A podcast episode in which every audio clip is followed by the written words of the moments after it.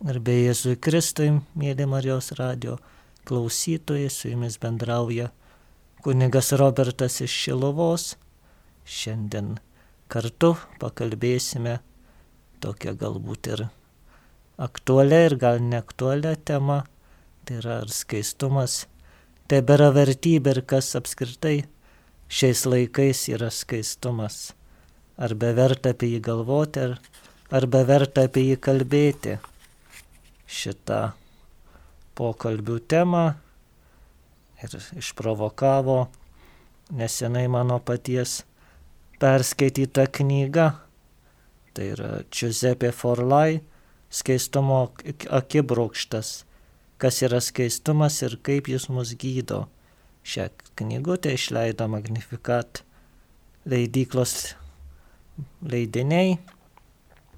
Tikrai nors knygos pristatomos per kitą Marijos radio laidą, bet norėtųsi parekomenduoti ypatingai tiems, kuriems šita knygutė pirmiausia skirta, tai yra pašvestiesiam tiek kunigams, tiek vienuoliams, tiek ypatingai, manau, seminaristams. Visi, kurie ne, pra, ne, ne, ne teorijoje, o praktikoje susiduria su skaistumu gyvena ar stengiasi gyventi skaistų gyvenimą. Ši knygelė tikrai yra geras padėjėjas ir vadovas, paaiškinantis, padrasinantis ir, ir pamokantis. Tad šiandien ir pabandysime tiesiog pasiremdami ir šią knygutę ir kitomis įžvalgomis pakalbėti apie skaistumą. Pirmiausia, gal būsiu kaip ir pokalbio moto, tai yra šventojo Zaoko siro mintis. Jisai sako, kas yra tyrumas arba kas yra skaistumas ir atsako, tai širdis jaučianti gailestingumą kiekvienam kūriniui. Atrodytų šita mintis. Liktai nieko tiesiogiai su skaistumu ir neturi. Jeigu mūsų paklaustų, kas yra skaistumas, tai atsakytume, kad lytinių santykių neturėjimas bet pasirodo, kad yra daug plačiau ir daug giliau nei vien tik, vien tik kažko nebuvimas. Skaistumas yra visada pozityvu, ne tai, kad negatyvu. Turbūt visi sutiksime ir niekam, niekam galbūt nekils prieštaravimų, kad mūsų laikas yra skaistumui priešingas arba skaistumo nevertinantis laikas gyvename po seksualinės revoliucijos įvykusios 20 amžiaus 70-metyje, kuomet tai, kas ilgus metus, ilgus amžius buvo tarsi tabų, kas buvo viešai nekalbama, staiga tapo laisva ir priimtina ir netgi gero tono ženklas būti, kaip dabar sakome, seksualiu turėti daug partnerių, turėti daug patirčių, tai yra tikro gyvenimo simbolis. Ar televizija, ar internetas, ar radija, ar žurnalai, visur matysime, kad seksualumas, netgi kūno kultas yra labai ir super svarbu, ypatingai mūsų jaunimas, jaunoji karta tikrai auga nuolat atakuojama to palaidumo dvasios, kuri puola per mintis, puola per, per idėjas, puola per santykius ir kur viskas apverčiama aukštin kojom. Viskas tampa įprasta tai, kas anksčiau buvo ar suvokiama kaip negalima, kaip, kaip neteisinga. Tai ir lytiniai santykiai iki vestuvių ir apskritai tos pačios lyties santykių normalizavimas ir iškėlimas. Dabar girdime apie ta, tas, tas judėjimas, homoseksualų potraukį turinčių žmonių judėjimas, dažniausiai politizuotas, net ir tas pats terminas net yra kartais įtraukiamas ir į bažnytinę aplinką, tai yra kalbant, sakome, LGTB katalikai, jų selovada, tai galbūt nėra nieko nei blogo, nes rūpintis reikia kiekvieno, kiekvieno tikinčiuoju, kuris turi vienokių ir kitokių bėdų, bet turbūt šioje temoje apie skaistumą verta iškelti tai, kad turbūt pirmą kartą žmonijos istorijoje žmogaus lytinė orientacija arba lytinis potraukis iškeliamas į pirmą vietą. Tai yra tarsi žmogus apibrėžimas pagal tai, kokį potraukį turi. Jau vakarų pasaulyje tapo įprasta net ir ne tik toj populiarioje kultūroje, ne tik žiniasklaidoje, bet ir teisiniuose dokumentuose. Tai yra sakoma, aš esu gėjus, aš esu lesbietė, aš transseksualas, aš, aš esu heteroseksualas, aš biseksualas, aš panseksualas, tai yra daugybė terminų, kurie nubrėžia tavo, tavo lytinį potraukį ir, ir tai tampa tavo identifikavimu, tai yra asmuo identifikuojamas pagal tai, ką, kas įtraukia, ką jisai jaučia. Turbūt tai yra paties žmogaus nudaiktinimas. Žmogus suredukuojamas į vieną į vieną sritį. Tikrai niekas nevadina žmonių, jeigu jisai turi potraukį daug valgyti, jisai ne pats savęs turbūt nevadina kokiu rijūnu ir įsižeistų, jeigu kas taip jį vadintų, nes tai yra tik viena jo gyvenimo dalis. Ar sakytume kažkoks kitas, kitas potraukis kitoj srity, gal kažkoks ten. Ar rinkti kažką irgi neapima viso žmogaus gyvenimo srities ir tas žmogus neprisistato, kad jis yra sakytume, filatelistas, katalikas ir prašau gerbti mano teises, nes tie, kurie nerenkat pašto ženkliukų, mane diskriminuojate. O šitoje vietoje lytiškumas, kuomet iškeliamas į žmogaus tapatybę, gaunasi tas, kad manęs, jeigu neprima mano išraiškos, tai aš esu nuskriaustas ir mane reikia ginti. Tai žinoma yra atskira tema, bet Šiandien kalbant apie skaistumą, tą verta pabrėžti, kad kaip labai lytiškumas, lytiškumo apraiškos yra iškeltos į, į esminės, esminės žmogaus poreikius. Tarsi tai, ko aš trokštų, ką aš, ką aš geičiu, arba sakytume, mano lovos reikalai, jeigu taip paprastai kalbant, yra paverčiami mano viso gyvenimo motor net valstybinio lygmenio. Taip tikrai neturėtų būti. Tad apie skaistumą kalbėti reikia ir turbūt dažnai mes ir bažnyčios žmonės, ar tai būtų kunigai ar katechetai, dažnai įmame irgi žiūrėti pro pirštus į šitos dalykus, tiesiog nebėra patogu, nebėra smagu apie tai kalbėti. Tarsi apie tai kalbant, mes kai kokie pasidarom viduramžių fariziejai, kurie tik tai priekaištauja dėl kiekvieno dalyko. Užsimerkiama jau ir tikriausiai užsimerkiama, kad ir dauguma sužadėtinių, kurie rengiasi santokai, jau tikrai nėra skaistus ir turi lytinius santykius, tai yra imituoja šeimą dar iki, iki šeimos sukūrimo jau tas tapo norma. Parimame ir tai, kad, kad tikrai dabar apsivertė ta šeimos kūrimos hierarchija, kas anksčiau būdavo susipažinimas, įsimylėjimas, sužadėtuvės, tada šeimos sukūrimas, lytiniai santykiai, vaikų atsiradimas, dabar viskas atvirkščiai. Santokos sakramentas dažniausiai jau būna užanspaudavimas šeimininio gyvenimo ir labai dažnai poros jau ateina ir su vaikais bendro gyvenimo, tarsi užanspauduodami, kad va, pagaliau pasiryšame eiti prie altoriaus, nors jau šeima esame senų seniausiai. Tad argi verta kalbėti apie skaistumą, argi verta gyventi skaičiai, galbūt tai tik mažos dalies žmonių, kunigų, vienuolių, vienišų žmonių pašaukimas. Tai yra kažkas, kas yra keisto, kas yra iškrentančio iš ordinarios tvarkos. Tad šie mitai ypatingai kalbant apie lytiškumą, apie jos sureikšminimą, turbūt ir trukdo pažinti skaistumą. Tai yra, ką jau kalbėjom, kad arba seksualumas labai iškeliamas, kad tai yra e, neturėti lytinių santykių, tai yra tragedija, nes dažniausiai celibato priešininkai arba jo nesupratėjai, netgi tarp pačių tikinčiųjų, visada galvoja, kad tai yra kažkas tokio, kas žmogų turbūt sužaloja ne, negryžtamai.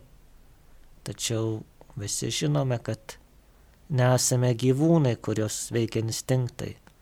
Jiems užeina ruja ir jie turi rujoti, nes taip yra nustatyta. Mes žmonės galime valdyti savo potraukius.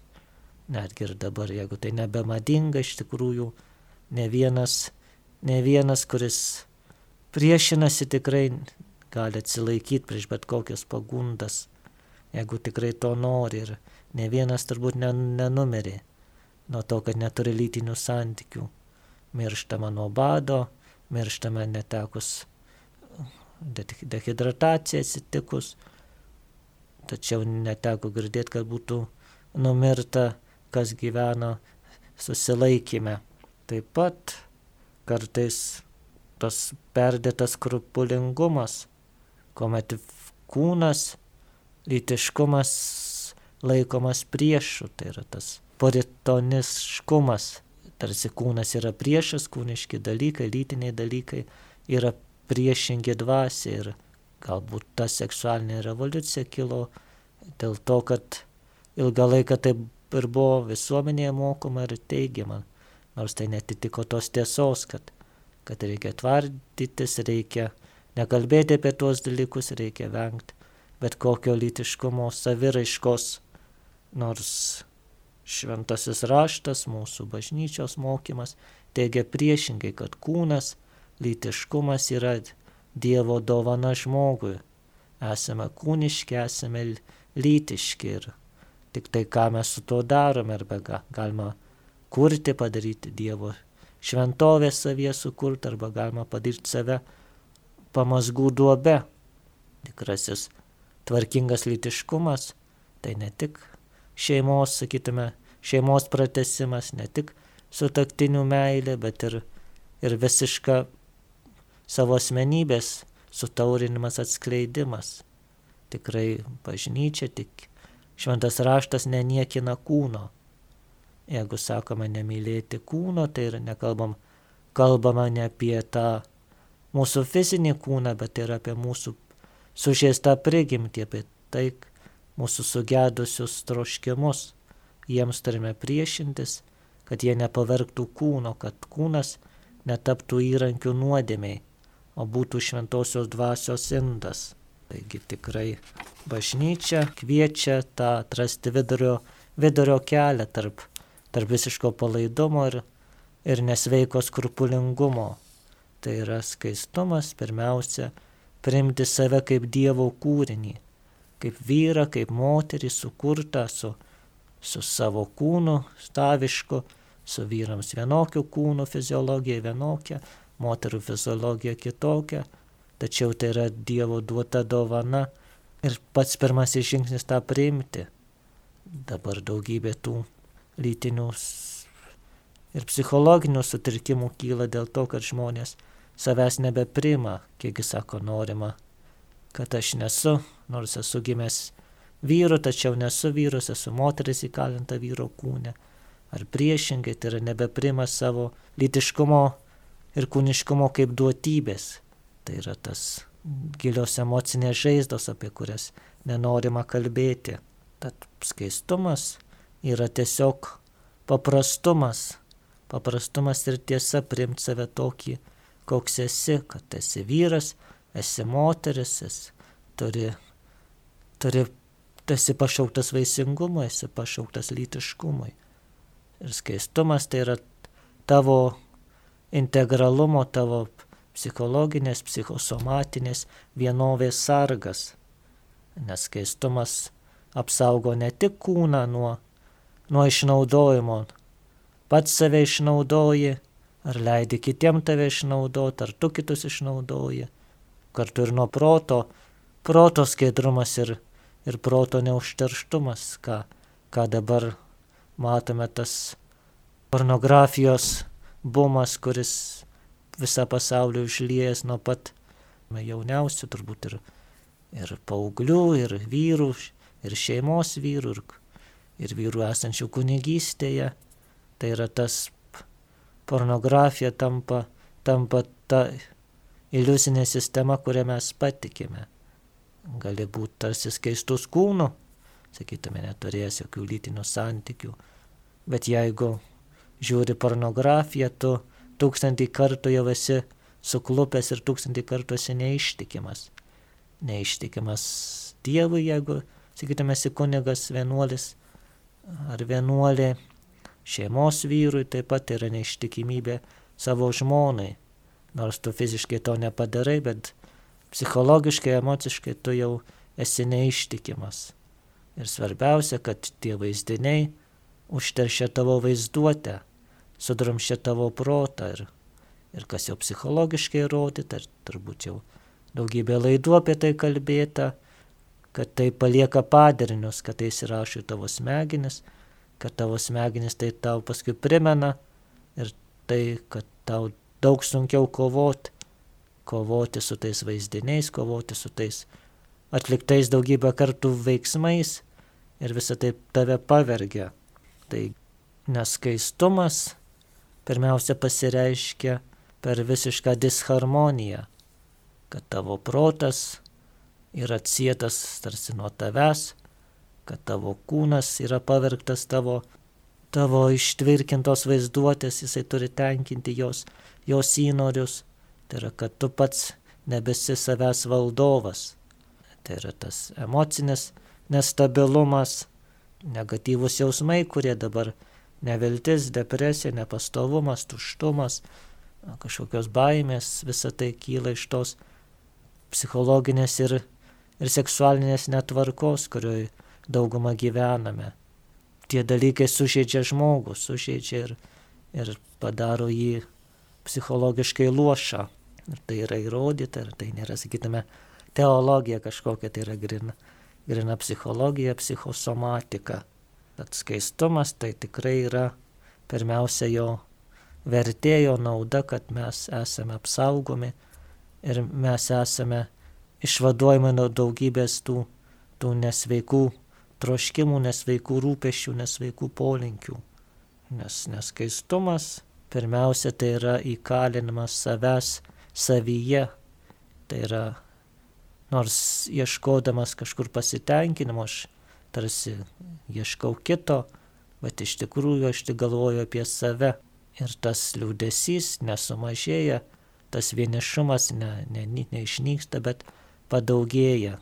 Yra per daugybę porų tą kalbą ir, ir mokslininkai, ir psichologininkai, ir dvasininkai pastebi, kad galima gyventi šeimoje, galima, sakytume, miegoti vienoje lovoje, tačiau jaustis vienišiem, jeigu nejungia gilesni dalykai, tai yra draugystė, bendri santykiai, bendri pokalbiai, atvirumas, tai tikrai lytiškumas tų, tų spragų neužpildys, bet tik tai jas pagilins. Todėl daugybė skirybų, daugybė šeimų iš nelaimingų dėl to, kad žmonės pažįsta vienas kitą tik fiziškai, tai yra susijungia jų kūnai, tačiau jų sielos, jų dvasinis pasaulis, jų psichologiniai pasaulis nesusitinka, jie lieka vienas kitam nepažįstami, kiek ilgai du nepažįstami žmonės gali kartu gyventi. Tai nenuostabu, kad tos šeimos ir išyra vien dėl to, kad neleidžiame skaistumui mus vienas prie kito pririšti. Turbūt tai yra tam girdėjęsit tą mažojo princo pasaką apie lapę ir princą ir kaip, kaip lapė sako, jog reikia draugystė mane prijaukinti. Tai yra iš pradžių tu atsisėsk toliau, aš ateisiu tuo pačiu metu, paskui ateisiu arčiau prie tavęs paskui mes būsim neiskiriami draugai. Taip ir skaistumas ypatingai, kuriant šeimą, yra tas, tas prijaukinimas. Nes lytiškumas turi, turi būdėti tam, kad, kad prie jo užauktume. O jeigu pasiduodame tam emociniam, fiziniam potraukiui, tuomet užkertame duris, duris keliui draugystės atsiradimui. Mes tarsi susitinkame, mūsų kūnai susijungia, bet, bet nesusijungia mūsų sielos. Todėl skaistumas tai yra tikros santokos, laimingos santokos receptas arba laimingos santokos priežastis.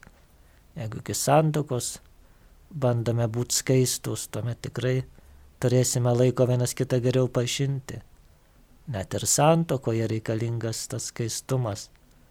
Tai yra ne tik ištikimybė vienas kitam, ne, nes specialiai nesižvalgyti į, kit, į kitą ar vyrą ar moterį, bet kartu ir pagarba vienas kitam, nes aišku šeimoje būna tų momentų, kuomet vienas partneris tikrai nenori to fizinio artumo Tad skaistumas reikalauja jį gerbti, priimti jo tą, tą, tą, tą būseną.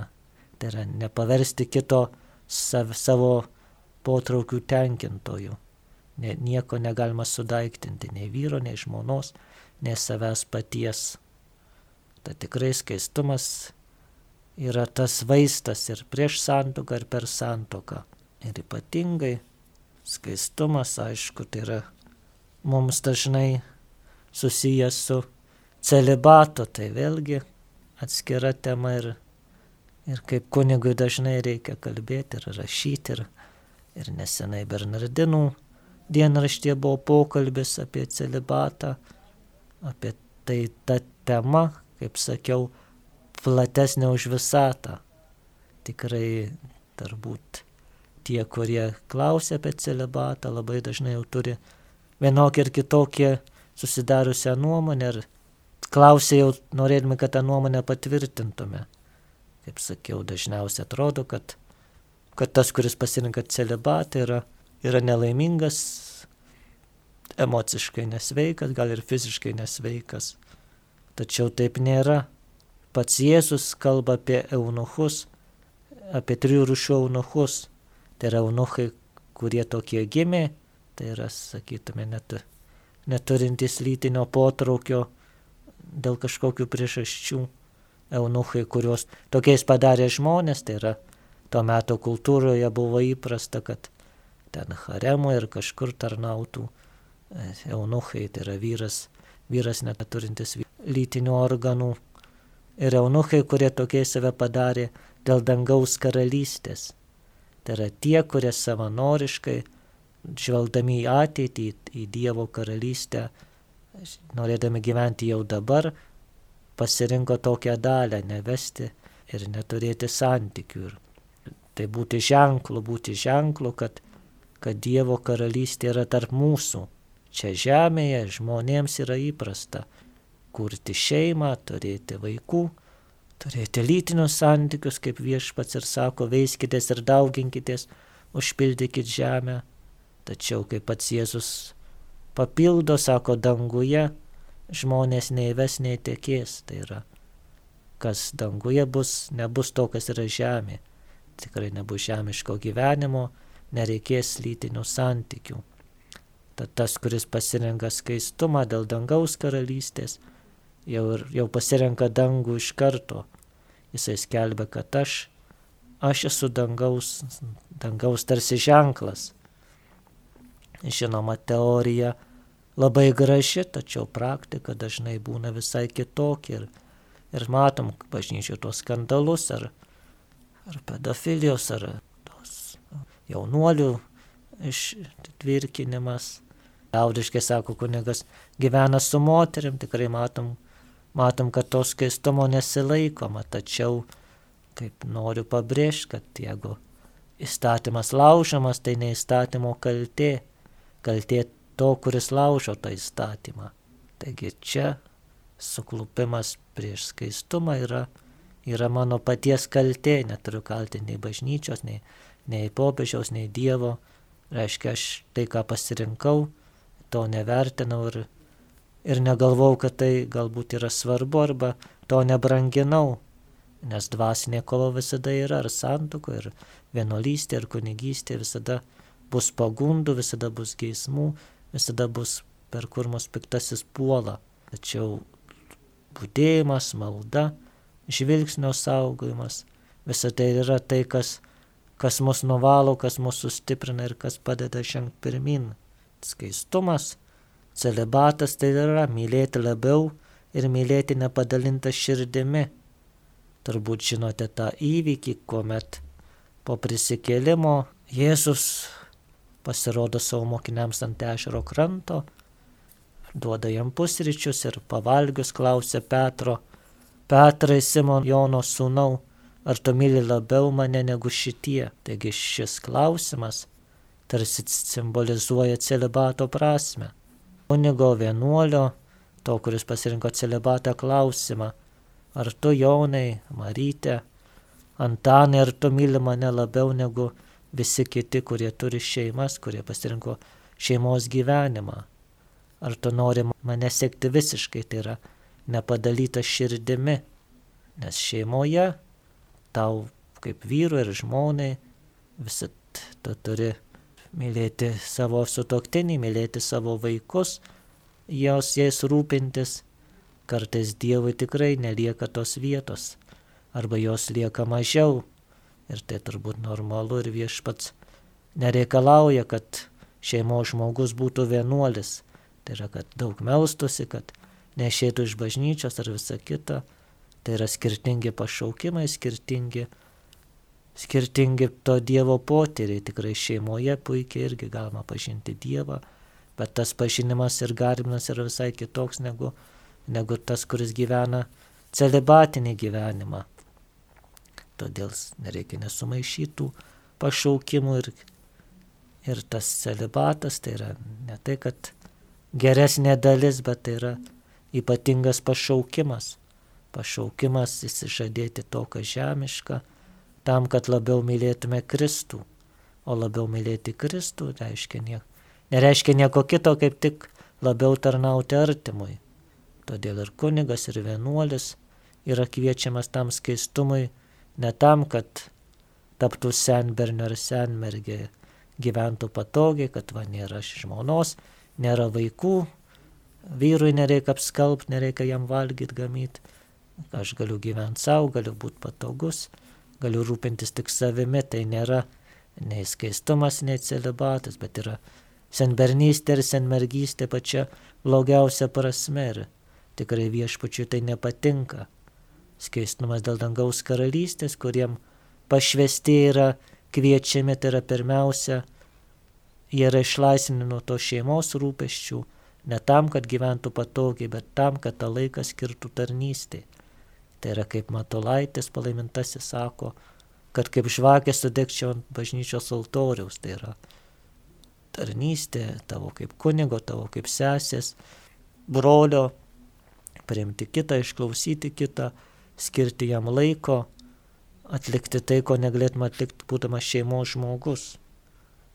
Tai yra būti tėvu, būti motina, net ir ne fiziškai, dvasiškai, ir kartu nepririšti ir nesisavinti to kito asmens.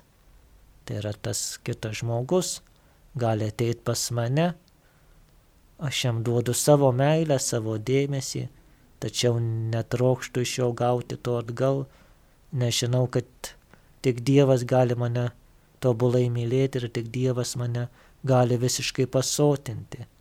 Šeimoje draugystė yra normalu tikėtis atsako iš kito. Vyras myli žmoną ir tikisi, kad žmona jam atsakys tuo pačiu. Draugystėje, draugai, vienas kitą rišata draugiška meilė. O celibate ypatingai mergeliškume, skaistume yra tas pašaukimas duoti meilę, bet nesitikėti jos iš žmogaus, tikėtis jos tik iš Dievo.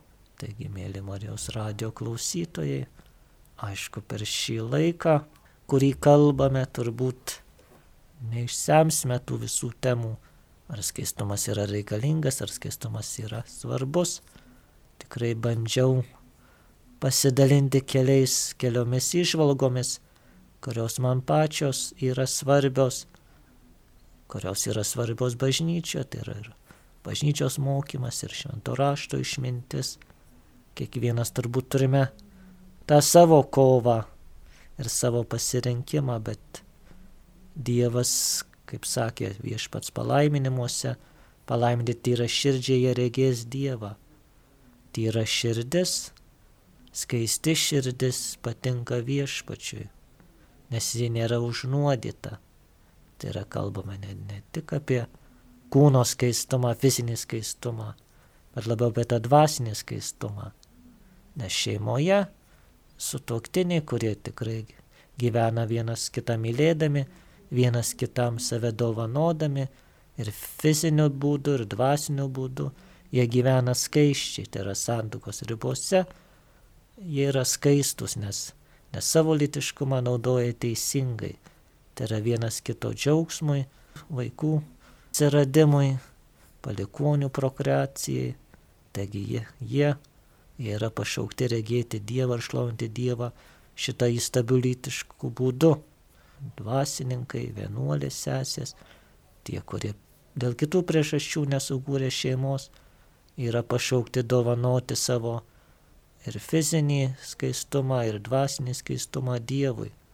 Tai yra būti tais ženklais, būti tais vaisingais šaltiniais, prie kurių būtų gera ateiti, su kuriais būtų gera būti žinant, kad aš nebūsiu sužeistas. Bažnyčioje dabar kilusi krizė, yra ties litiškumo skandalai, kartu neša tą kitą krizę, kad nebėra autoritetų, kad kunigas taiga tampa pavojingas, tai yra, kad, kad paauglys, sakytume, tikrai ir jis pats, ir jo tėvai galbūt nesijaučia saugus, kad kunigas nebe matomas nebe kaip tėvas, kuris, kuris ir gali paguosti, gali ir apkabinti, gali ir padrasinti ir pamokyti, bet kunigas kaip tas, iš kurio gali kilti pavojus, kuris gali mane sužeisti.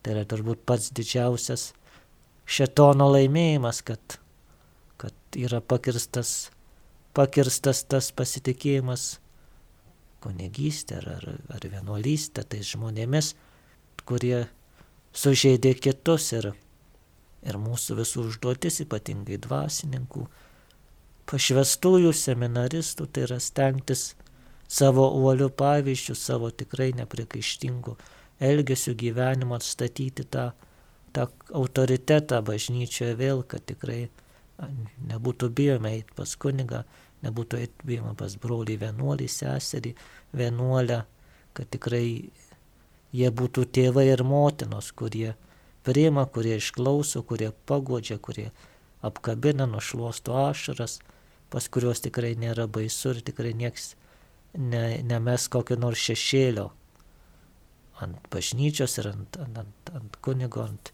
sesės vienuolės. Taigi tikrai prašykime, šaukimės Arkangelo Mykolo ypatingai, kad jisai gintų pas bažnyčią, gintų kiekvieną iš mūsų nuo to neskaistumo demono. Su jumis bendrauja kunigas Robertas iš Šilovos. Šitą pokalbį ir užbaigime maldą šventam arkangelui Mykolai.